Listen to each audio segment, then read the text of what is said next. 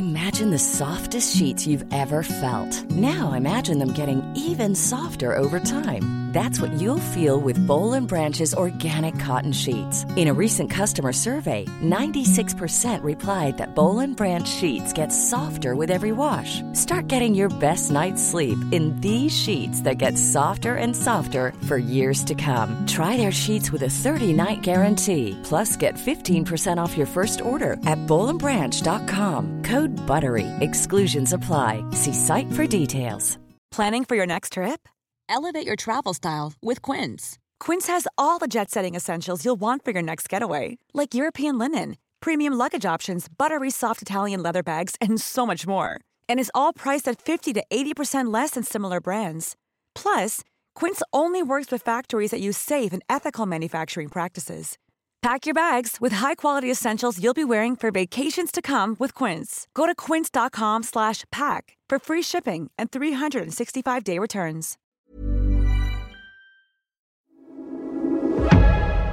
Du lyssnar på GVS ljudböcker.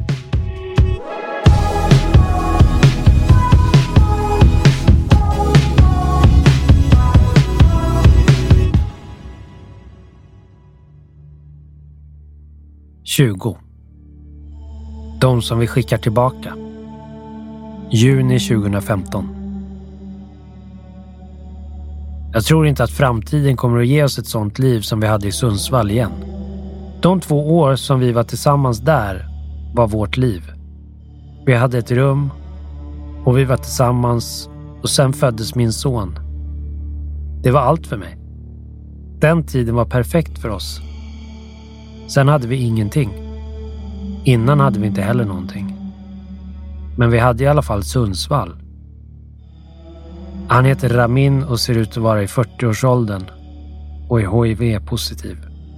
Han har separerats från sin fru och sitt barn som lever som gömda i Sverige. Och hans bild av paradiset är Sundsvall. I januari 2003 kom Ramin Rahim för första gången till Sverige som ensamkommande asylsökande. Pappan hade gjort affärer med mäktiga män. Någonting hade gått snett och faderns död räckte inte för att göra upp räkenskaperna. De dödade min pappa på grund av någonting de hade med varandra. De skulle döda mig också. Men Migrationsverket trodde inte på mig. De sa att du måste fixa ett dokument. Någonting som visar att de här personerna hotar dig. Jag hade inte det. Ramin arbetade, lärde sig svenska, ansträngde sig för att bli en del av det nya samhället och blev utslängd.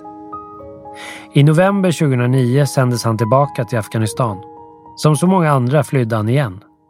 En månad efter deportationen anlände han till Iran. Hem för en stor och hårt hunsad afghansk exilbefolkning och transitland mot Europa. Livet där var tufft. Men han mötte någon som förgyllde det. När Amin återigen flydde var det för kärlekens skull. Hennes familj accepterade inte att vi ville gifta oss. De ville att hon skulle gifta sig med en kusin istället. Det var därför vi stack.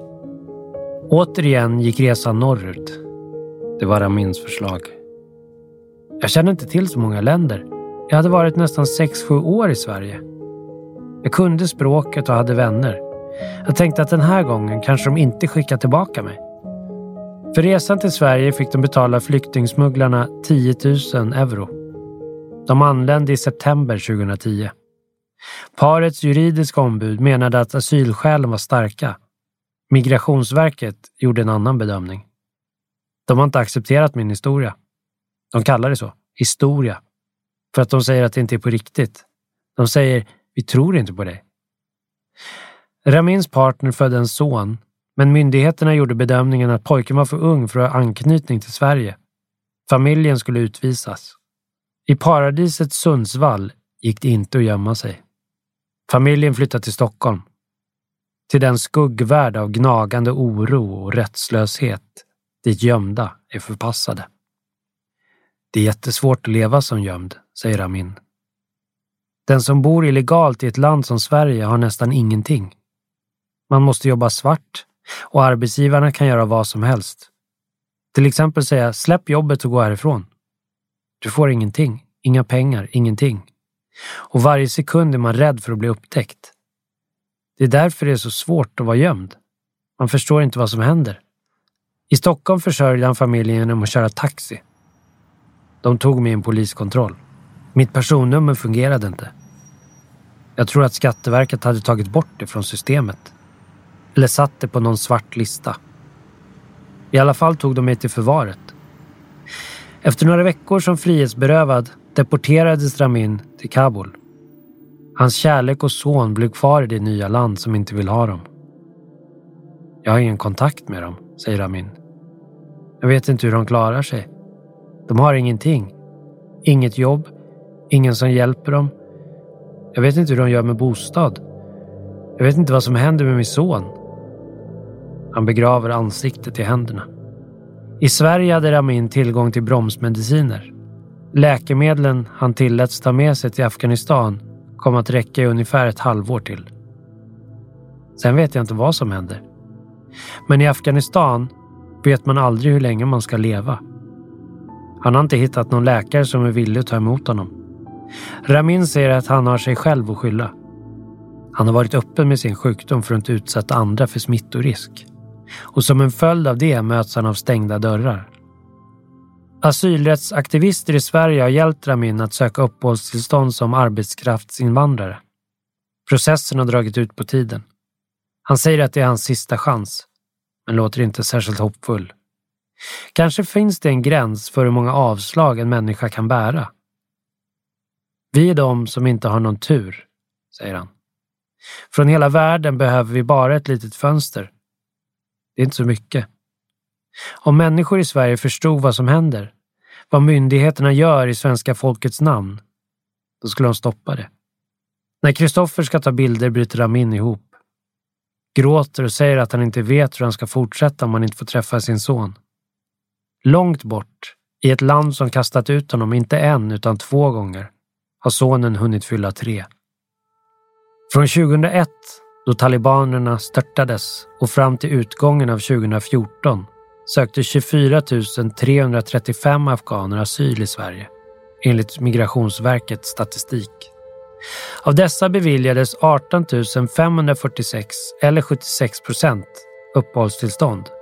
Några flyktskäl är vanligare än andra. Det handlar om mark, heders och etniskt relaterade konflikter.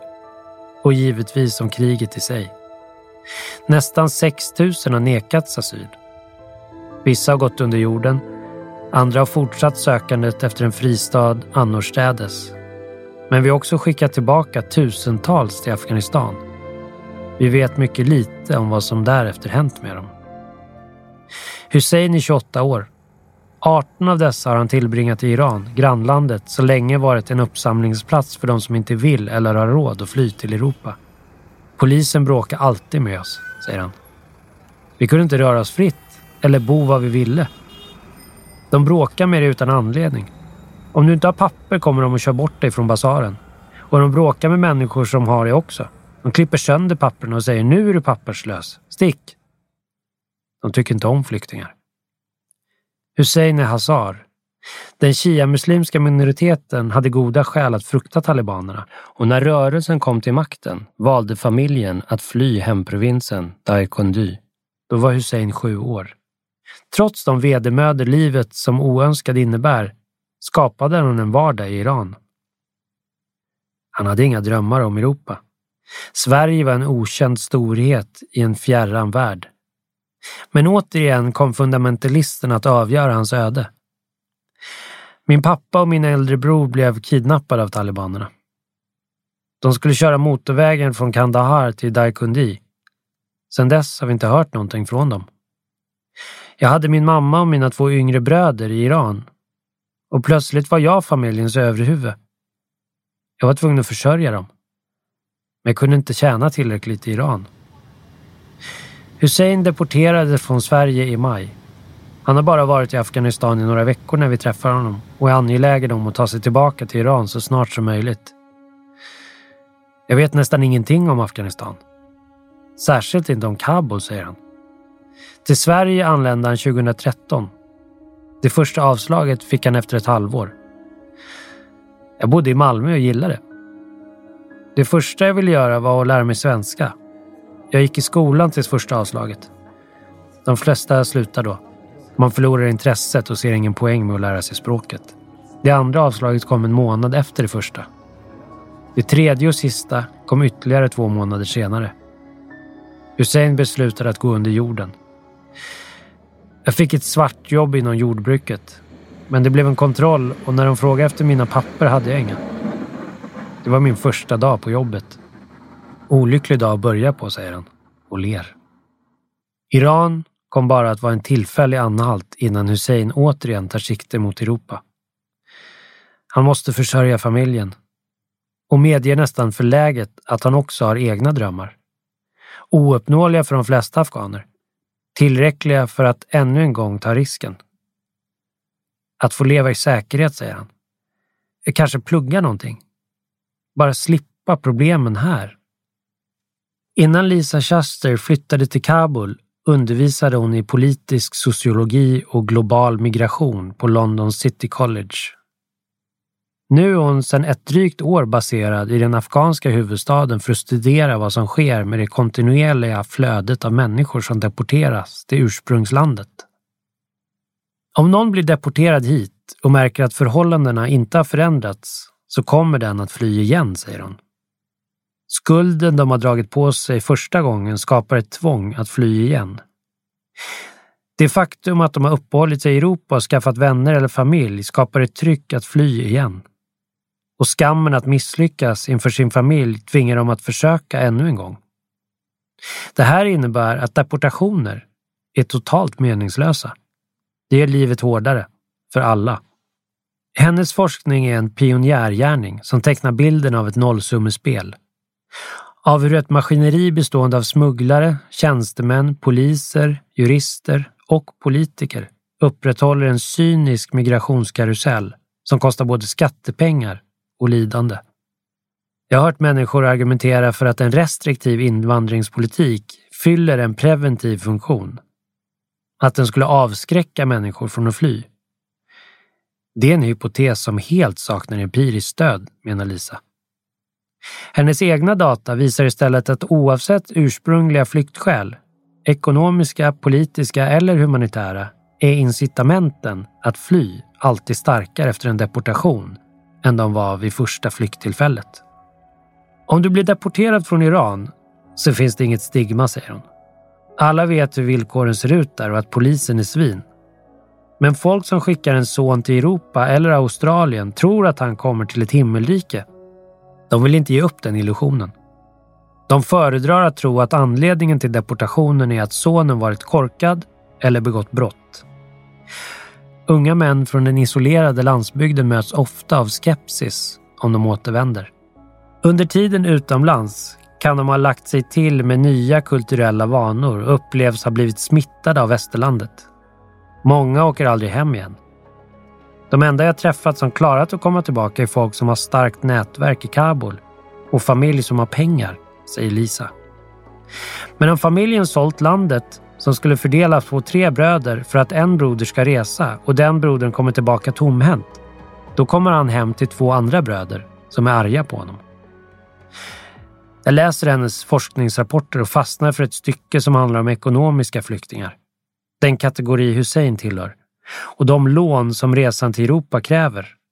Om någon deporteras innan skulden har betalats och om det är osannolikt att de kan betalas efter utvisningen utgör de ett starkt incitament för att migrera ännu en gång, trots att det innebär att den totala skulden ökar. Skulderna, vare sig till familjemedlemmar eller mer formella långivare, kan inte avskrivas och långivarna inser att deras bästa chans till återbetalning är att finansiera ännu en resa. När du väl har klivit på karusellen går det inte att kliva av. De var tre eller fyra stycken. De kom in och sa ni får vakna och komma till hallen. Vi ska prata en stund. Helt nyvakne Mohammed förstod omedelbart vad som höll på att ske. Jag visste direkt vilka de var, säger han. Jag hade hört av andra att de brukar komma på morgonen när man sover. De kommer alltid vid fyra eller fem. Mohammed och hans två lägenhetskamrater gjorde som de blev tillsagda. De fick sätta sig i en soffa och blev tillfrågade om de ville åka frivilligt eller deporteras med tvång. När svaret dröjde blev poliserna otåliga. Jag sa att det inte var en rimlig fråga klockan fyra på morgonen. Att vi borde ha fått papper innan och tid att tänka. Då hade det varit frivilligt. En polis började skrika på mig. Det får du säga till advokaten. Nu ska du bara svara på min fråga. En annan polis satte sig bredvid mig och skrek. Vad fan, svara på frågan bara. Så till slut så sa jag ja. Mohammed fick ta med sig lite kläder. Resten av hans tillhörigheter packades senare av personalen på boendet. Rena kläder, blöta handdukar, skolböcker och viktiga papper i samma svarta sopsäck.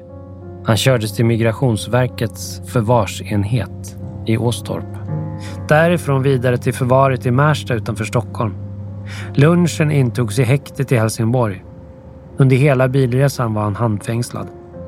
Mohammed har uppenbart svårt att förlika sig med kränkningen. Tårar av förnedring bränner på hans kinder när han talar om det. De behandlade oss som kriminella. Det är inte humant att göra så. Jag hade bott i Sverige i tre år och aldrig haft problem med polisen eller myndigheterna. Mitt fel var att jag inte fick uppehållstillstånd. Det är inget brott att inte få uppehållstillstånd. I december 2014 lyfte planet mot Afghanistan. Ombord fanns enligt Mohammed ett femtontal flyktingar och ungefär dubbelt så många tjänstemän från kriminalvården. Han tycker bättre om dem än polisen. Om någon gör något fel eller dumt i planet eller på flygplatsen, då är de strikta. Då skojar de inte längre. Men om man är lugn är de ganska trevliga. De var i alla fall trevligare än de som kom till boendet och hämtade oss. Mohammed vill inte prata om varför han flydde. Låt bara antyda att det hänger samman med hans faders död. Jag vill inte påminna mig själv om vad som har hänt, säger han. Jag blir bara ledsen och arg. Han kom till Sverige som 16-åring. Idag är han 19. Hans svenska är utmärkt. Många flyktingar möter bara Migrationsverket och samhällets skuggsida. Men Mohammed påbörjade svenskundervisning så snart han kunde och hade innan avslagen hunnit få en projektanställning som ungdomsvägledare.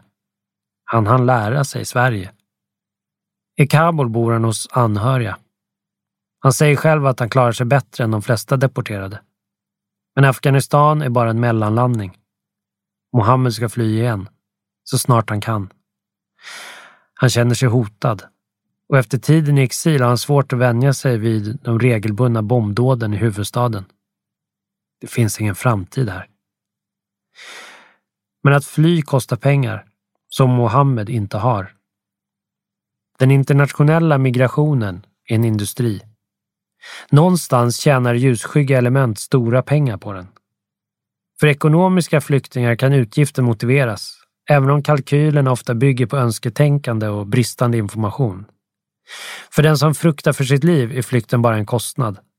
På samma sätt som deportationen är det för destinationslandet. Kriminalvården hyrde ett stort Boeingplan från Tjeckien eller Polen, säger Mohammed. Det kostar jättemycket. Bensinen och allt, hela vägen från Stockholm till Kabul, utan stopp.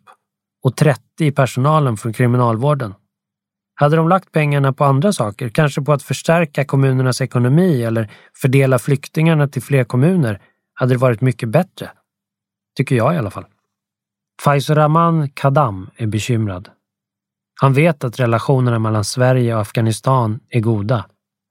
Och han vare sig vill eller har status nog för att kasta grus i maskineriet. Men för hans del av förvaltningen, Departementet för flyktingar och återvändande, utgör svensk utvisningspraxis en huvudvärk. Bara dagar innan vi träffar honom har ett chartrat plan landat i Kabul. Ingen från departementet var på plats. Sverige hade inte informerat myndigheterna om att deportationen skulle ske. Problemet vi har med Sverige är att de inte kommunicerar med oss, säger Fazir Rahman. De deporterar afghaner utan att förvarna. Om de kontaktar oss kan vi bidra med våra perspektiv och åsikter och möta dem på flygplatsen. Utan kontakt blir det stora problem för oss. Departementet har till uppgift att informera såväl tvångsdeporterade som frivilligt återvändande om möjligheter till stöd och boende. Denna flyglast flyktingar fick nöja sig med busspengar in till centrum. När vi fick höra att flyget landat åkte vi genast dit, säger Faisal Rahman. Hade vi vetat om det på förhand hade vi kunnat göra mycket mer. Vi gav dem rådet att höra av sig till oss. Ingen av dem har hört av sig. Vi vet inte vad som har hänt med dem efter de anlände. De flesta mottagarländer har avtal med Afghanistan som reglerar formerna för återvändande. Få deporterar med tvång. Detta är ett önskemål från Afghanistan och respekteras av de flesta. Sverige är ett undantag. Det gör oss besvikna. Det finns ingen här som kan ta emot dem. Vi hoppas att Sverige i framtiden inte ska deportera afghaner mot deras vilja, säger Fasuraman. Yasser var 16 när han anlände till Sverige. Idag är han 20 och har varit en dryg månad i Kabul sedan deportationen. Han flydde tillsammans med sin familj, inom landet innan han flydde utom det. Det räckte inte. Vi bodde i Vardak när min pappa fick problem med min farbror, säger han. De bråkade om land. Det kom som en överraskning. Jag visste inte att min farbror ville oss illa. Jag har blivit hotad så många gånger. En gång blev jag attackerad här i Kabul. Det var då min familj sa åt mig att fly. Nu är Yasser tillbaka. Istället är resten av familjen försvunnen. Den del av släkten som inte ville döda honom har flytt. Jag vet inte var de bor, säger han. Sista gången jag talade med dem bodde jag i Sverige. Men jag vet att de inte är i Afghanistan. När han har tillgång till uppkoppling försöker han söka efter dem på internet. Jag kommer fortsätta försöka. Det kommer att bli den bästa dagen i mitt liv när jag hittar min familj. Yasser sover på ett gym i stadsdelen Kotisangi. Han träffade en anställd av en slump och blev erbjuden tak över huvudet av ren medmänsklighet. Hittills har han överlevt på pengar som vänner från Sverige skickat. Jag känner några lärare i Sverige. De var goda vänner till mig. De har skickat pengar till mig två gånger. Det har verkligen hjälpt mig. Jag kommer aldrig glömma deras godhet så länge jag lever, säger Yasser. Samma vänner försöker nu ordna en anställning åt honom som diskare i Göteborg. Då skulle Yasser kunna arbetskraftsinvandra. Men processen går långsamt. Och den unge mannen vet att han inte kan sova på gymmets golv för alltid. De sa att de väntar på besked från Migrationsverket. Att de processar dokumentet. Det är mitt sista hopp. Annars vet jag inte vad som ska hända härnäst. Helst vill Yasser tillbaka till Stenungsund. Han bodde där och har bara bra minnen. Det land som kastade ut honom gav också en glimt av en annan värld. Vart jag än bodde i Sverige var människorna väldigt snälla. Regeringen betalade för barnens utbildning. Jag ville vara en del av det folket. Suleiman har tolkat under intervjun. Medan jag och Kristoffer försöker betala notan och dras in i en berättelse om restaurangägarens äventyr som fotomodell i Bombay fortsätter han att prata med Yasser. Innan vi skiljs åt omfamnar de varandra. En djup klassklyfta skiljer dem från varandra. Men de möts i sina erfarenheter. Av att vara rädd i Kabul och av att lämna ett hemland. I vanliga fall skulle den sociala hierarkin diktera att Suleiman var överordnad Yasser. Nu är det istället Yasser som ger Suleiman råd. En av dem har precis blivit utvisad. Den andra står precis i begrepp att resa ut. De möts som jämlikar. På Kabuls gator trängs tusentals tiggare. Den ena trasigare än den andra. Många är barn. Varför ska vi bry oss om dem vi skickar tillbaka? De har det väl inte värre än innan de kom? Ett möjligt svar är att med handlingar följer ett ansvar för konsekvenser. Sverige har aktivt valt att skicka tillbaka dessa människor. Jag har letat efter analogier för att förklara det. Den bästa jag lyckats formulera är att en tvångsdeportation är jämförbar med att en drunknande klättrar ombord på din båt och du fattar det aktiva beslutet att slänga henne tillbaka till vågorna. De människor vi skickar tillbaka börjar inte om på noll. De börjar om på minus. Längre bak i kön till den ständigt snurrande migrationskarusellen. Utan andra möjligheter än att invänta ännu en livsfarlig åktur.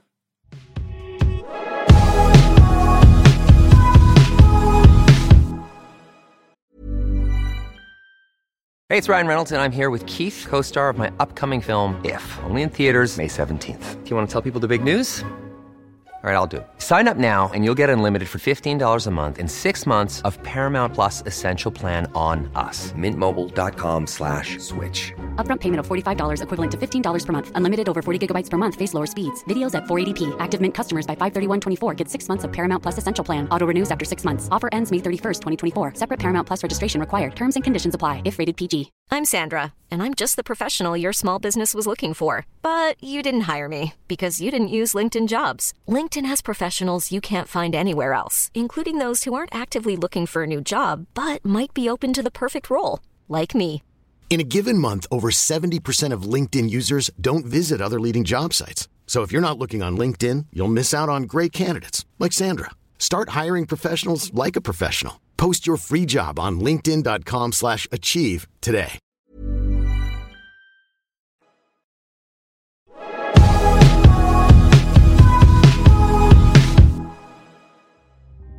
21. I Rambos fotspår. 21 januari 2016.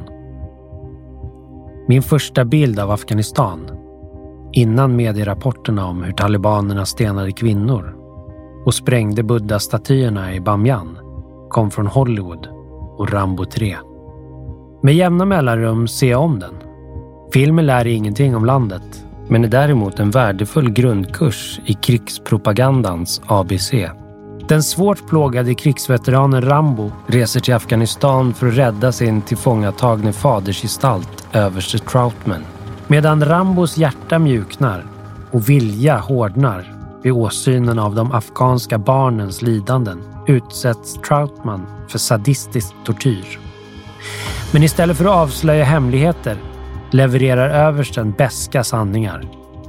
Han har med egna ögon skådat krigets helvete och futiliteten i det högmod som oundvikligen går före fall. Om ni hade studerat historien skulle ni veta att dessa människor aldrig har gett upp för någon. De skulle hellre dö än förslavas av en invaderande armé. Du kan inte besegra ett sånt folk, säger den tillfångatagne överste Trautman till sin svettige sovjetiske motpart. Vi försökte. Vi har redan haft vårt Vietnam. Nu kommer ni få ert. När Troutman talar ekar hans ord historiens tunga lärdomar. Spöken av tiotusentals amerikanska soldater som stupat på främmande jord är hans sanningsvittnen. Den amerikanska folksjälen vet. USA har lärt sig läxan. Kalla kriget var givetvis allt annat än oskyldigt.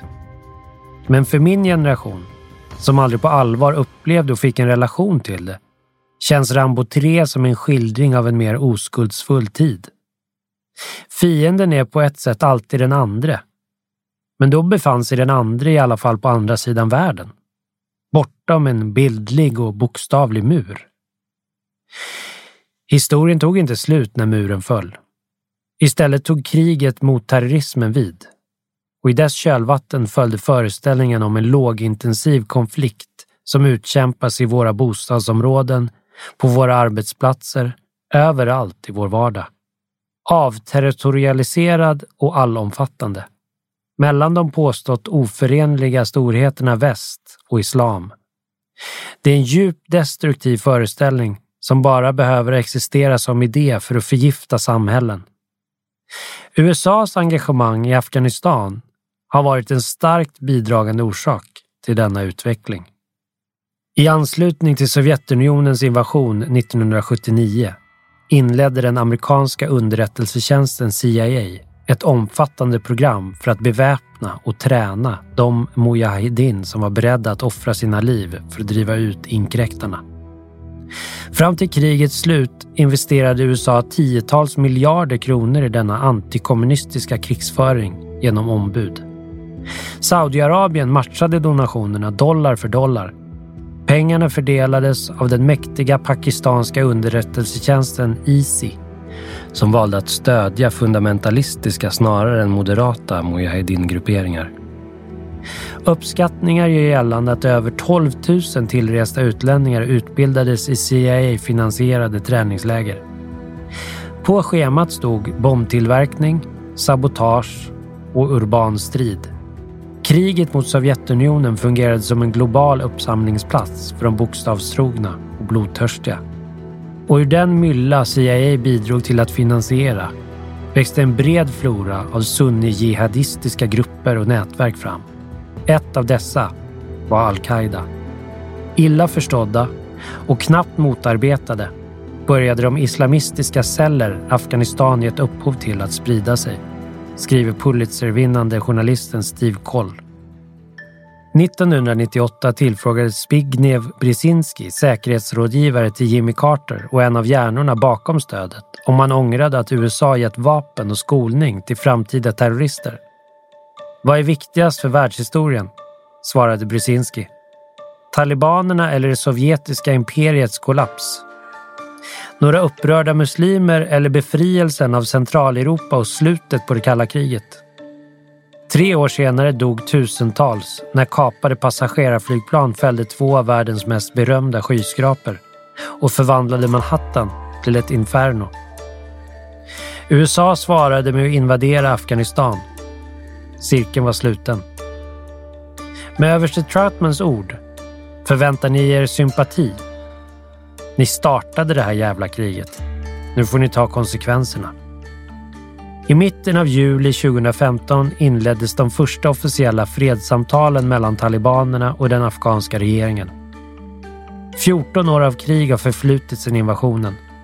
Talibanerna besegrades aldrig. Bara månader efter de utländska truppernas uttåg är rörelsen nu återigen en erkänd spelare. USA kallade det globala krig mot terrorismen som inleddes med invasionen av Afghanistan för Operation Enduring Freedom. Särskilt mycket frihet blev det inte tal om. Och särskilt bestående blev den definitivt inte. Flera av krigets konsekvenser har internationell räckvidd. Kärnvapenmakten Pakistan har allvarligt destabiliserats. Antiamerikanismen har cementerats och de nordvästra delarna av landet har, för att använda ett lokalt uttryck, talibaniserats. Nyckelspelaren Pakistan av avgörande betydelse för fredsprocessen befinner sig i ett tillstånd av härdsmälta, hårt ansatt av terrorism och undermåligt styre, enligt journalisten Ahmed Rashid. USAs behov av baser och transitrutter i och genom länder som Uzbekistan, Kirgizistan och Kazakstan har krävt både ekonomiskt stöd och kohandel med mänskliga rättigheter. Auktoritära regimer har stärkt sin makt medan deras ledare berikat sig på biståndspengar. Uzbekistan gjorde sig under 00-talet känt för att koka politiska fångar levande och massakrera oppositionella. Men USAs armé var angelägen om att behålla en värdefull försörjningsled medan landet var en av CIAs favoritdestinationer för så kallade extraordinära överlämnanden. Utomrättsliga operationer där misstänkta terrorister fängslades och förhördes i länder som såg mellan fingrarna på tortyr. Bush-administrationen såg landet som en ren dumpningsplats för överlämnade fångar och som en logistikbas för Afghanistan, skriver Rashid. Alexander Cooley, professor i statsvetenskap vid amerikanska Barnard College, menar att NATO och USA tonat ned sin kritik i rättighetsfrågor och sitt engagemang på andra områden för att primärt fokusera på säkerhets och logistiksamarbete. Försöket till demokratibygge i ett land finansierade statlig terror i grannländerna. Slutnotan för USAs längsta krig ser ut att landa på fantasisumman en biljon dollar enligt Financial Times. Svenska Afghanistankommittén uppskattar att den militära interventionen kostat 8 000 miljarder kronor medan i sammanhanget blygsamma 400 till 500 miljarder kronor allokerats till bistånd. Historien om hur betydande delar av detta bistånd förslösats eller förskingrats är många. För de driftiga eller redan mäktiga har kriget varit en guldgruva. Korruptionen har institutionaliserats och vuxit bortom kontroll. Men mer bekymrande än att skattebetalare i väst blivit blåsta och att skurkar i Centralasien blivit rika är att gränsen mellan militära operationer och bistånd medvetet suddats ut. Strategin kallas civil militär samverkan och har varit en del av den amerikanska krigsmaktens ambition att vinna hjärtan och sinnen. Konceptet är inte nytt, men har aldrig tidigare implementerats i sån skala som i Afghanistan. Humanitära organisationer har av hävd alltid värnat oberoende och neutralitet. Det har ansetts vara en grundläggande förutsättning för att skapa förtroende hos mottagarna och för att kunna verka i omstridda områden. Med civil militär samverkan har den humanitära hjälpen istället integrerats i de militära operationerna. Den som accepterar lite krig runt husknuten ska få en belöning efteråt. Försöken att vinna lojalitet hos civilbefolkningen för den egna sidans krigsmakt misslyckades. Och de hjälporganisationer som tidigare varit fredade blev istället måltavlor. Många är de internationella organisationer som inte förmått stå emot militärens dragningskraft. Både finansiering och politisk tyngd är effektiva styrmedel. I bästa fall har dessa organisationer agerat naiva medlöpare. I värsta fall villiga agenter i USAs krig. Att Svenska Afghanistankommittén har varit tydlig i sitt avståndstagande har inte varit någon garanti mot attacker i den nya gråzon där den ena handen sprider död och den andra ger bröd. Jag tänker på vad FN-chefen sa off the record i containern i Kabul, bakom de höga murarna, skyddade av beväpnade vakter. Att FN blev en måltavla när organisationen vek ner sig för kraven från Washington. Att den blå färgen inte längre skyddar. Civil militär samverkan är ett cyniskt försök att indoktrinera människor i det orwellska paradigmet att krig är fred och ett av krigets allra dystraste arv. Många har sett samtalen med talibanerna som ett hoppfullt tecken. Kina vill initiera ett antal sorgligt försenade gruvprojekt i Afghanistan och har engagerat sig för att skapa lugn och ro på marknaden. Och Pakistan, som länge stöttat talibanerna, tycks åtminstone inte längre vilja sabotera fredsprocessen. Men samtidigt som framstegen vid förhandlingsbordet uteblivit har talibanerna ryckt fram i Afghanistans norra delar. Det har tolkats som ett försök att expandera konflikten till resten av Centralasien och ge ett redan evighetslångt krig nytt bränsle. I augusti 2015 visade Unamas halvårsrapport att antalet civila offer under årets första sex månader uppgick till 1592 döda och 3329 skadade. De högsta siffrorna sedan FN-organet började föra statistik. Både säkerhetsläget och den humanitära situationen har försämrats sedan uttåget. Och kanske har en känsla av att ingenting någonsin kommer att förändras slagit rot. Under 2015 söker 41 564 afghaner, nästan dubbelt så många som under perioden 2001 till 2014, asyl i Sverige. I den utbredda laglösheten försöker också Islamiska staten etablera sig i Afghanistan. Talibanerna har utfärdat en fatwa mot uppstickarna. Men talibanerna påstås själva vara splittrade i två fraktioner. En mer moderat som vill förhandla och en mer radikal som vill kriga. Vad betyder egentligen Mullah Omars död i sammanhanget? Väntar en intern maktkamp? Hur kommer utfallet att påverka den stapplande fredsprocessen? Ibland känns regionens politik som ett parti schack som spelas i en tunna på väg ut för ett vattenfall. Där allianser och förutsättningar kan förändras på ett ögonblick. Och det enda som är säkert är att ingen av parterna drar sig för bondeoffer. Jag och Kristoffer har varit med under en bråkdel av det månghundraåriga spelet om Afghanistan. Det gör inte uppehåll för att vi vänder bort blicken. De människor vi lärt känna där, som vi delat bröd och berättelser med, fortsätter att leva, älska, drömma, lida och dö. Historien känns omöjlig att sätta punkt i. Vi pratar ofta om våra förhoppningar för landets framtid. Att det en dag ska bli så fredligt att vi på egen hand ska kunna korsa dess provinser och bestiga dess berg. Till fots och på motorcykel. Sova i byar och under bar himmel. Krångla oss fram på knapphändig dari, trams och teckenspråk. Det känns lika vackert som avlägset som värt att kämpa för. För första gången träffar vi William på svensk mark. Han bjuder på tacobuffé och mellanöl. Allt är precis som jag föreställt mig att det ska vara när du hälsar på hemma hos pensionerade elitsoldater. På Camp Northern Lights fungerade han som ett slags informellt fackombud och såg till att alla fick korrekta löneutbetalningar. Nu läser William till civilekonom. Han saknar det militära. Inte kriget, utan livet. Samhället är för oorganiserat. På universitetet tar det för lång tid att dela upp sig inför grupparbeten. Ineffektiviteten är djupt provocerande. Vissa till och med skryter om hur de slösar med sin tid. På en fest tvingades han lyssna till värdinnans berättelse om hur den ägnat ett dygn åt att tillaga en älgstek. Jag sa att ibland brukar jag också experimentera och köra mina Billys panpizzor i fyra minuter på 600 watt istället för två minuter på 800. Jag tror inte hon riktigt förstod, säger William. När det gäller Sveriges militära insats, invasionen som helhet, är han osentimental. Kriget var dömt att bli ett misslyckande. Det går inte att tvinga på dem hjälp, säger William.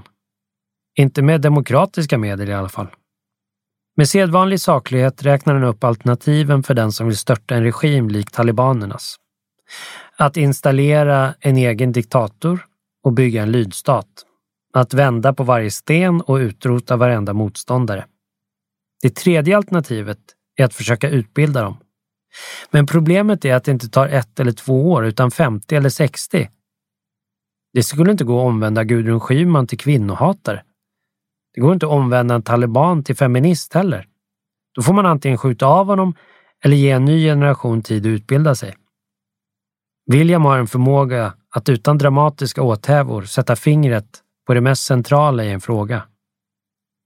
Medan jag fyller min tortilla med jalapenos och den där otäcka flytande osten som är omöjlig att inte fascineras av, konstaterar han att det kan vara rätt att försöka och misslyckas. Det avgörande är om målet var värt att slåss för. Sveriges deltagande i USAs krig må ha varit oansenligt på marken, men har en ofrånkomlig moralisk tyngd. Gjorde vi rätt eller fel? Vi västerlänningar försöker prångla på dem något som de inte vill ha helt enkelt, säger William mellan tuggorna. Vi har ett ganska sjukt samhälle egentligen. Vi lämnar våra barn på dagis för att jobba och sen när vi blir gamla så blir vi själva lämnade på hem. Vi är också extrema. Men på ett annat sätt. Det är inte säkert att de vill ha det så.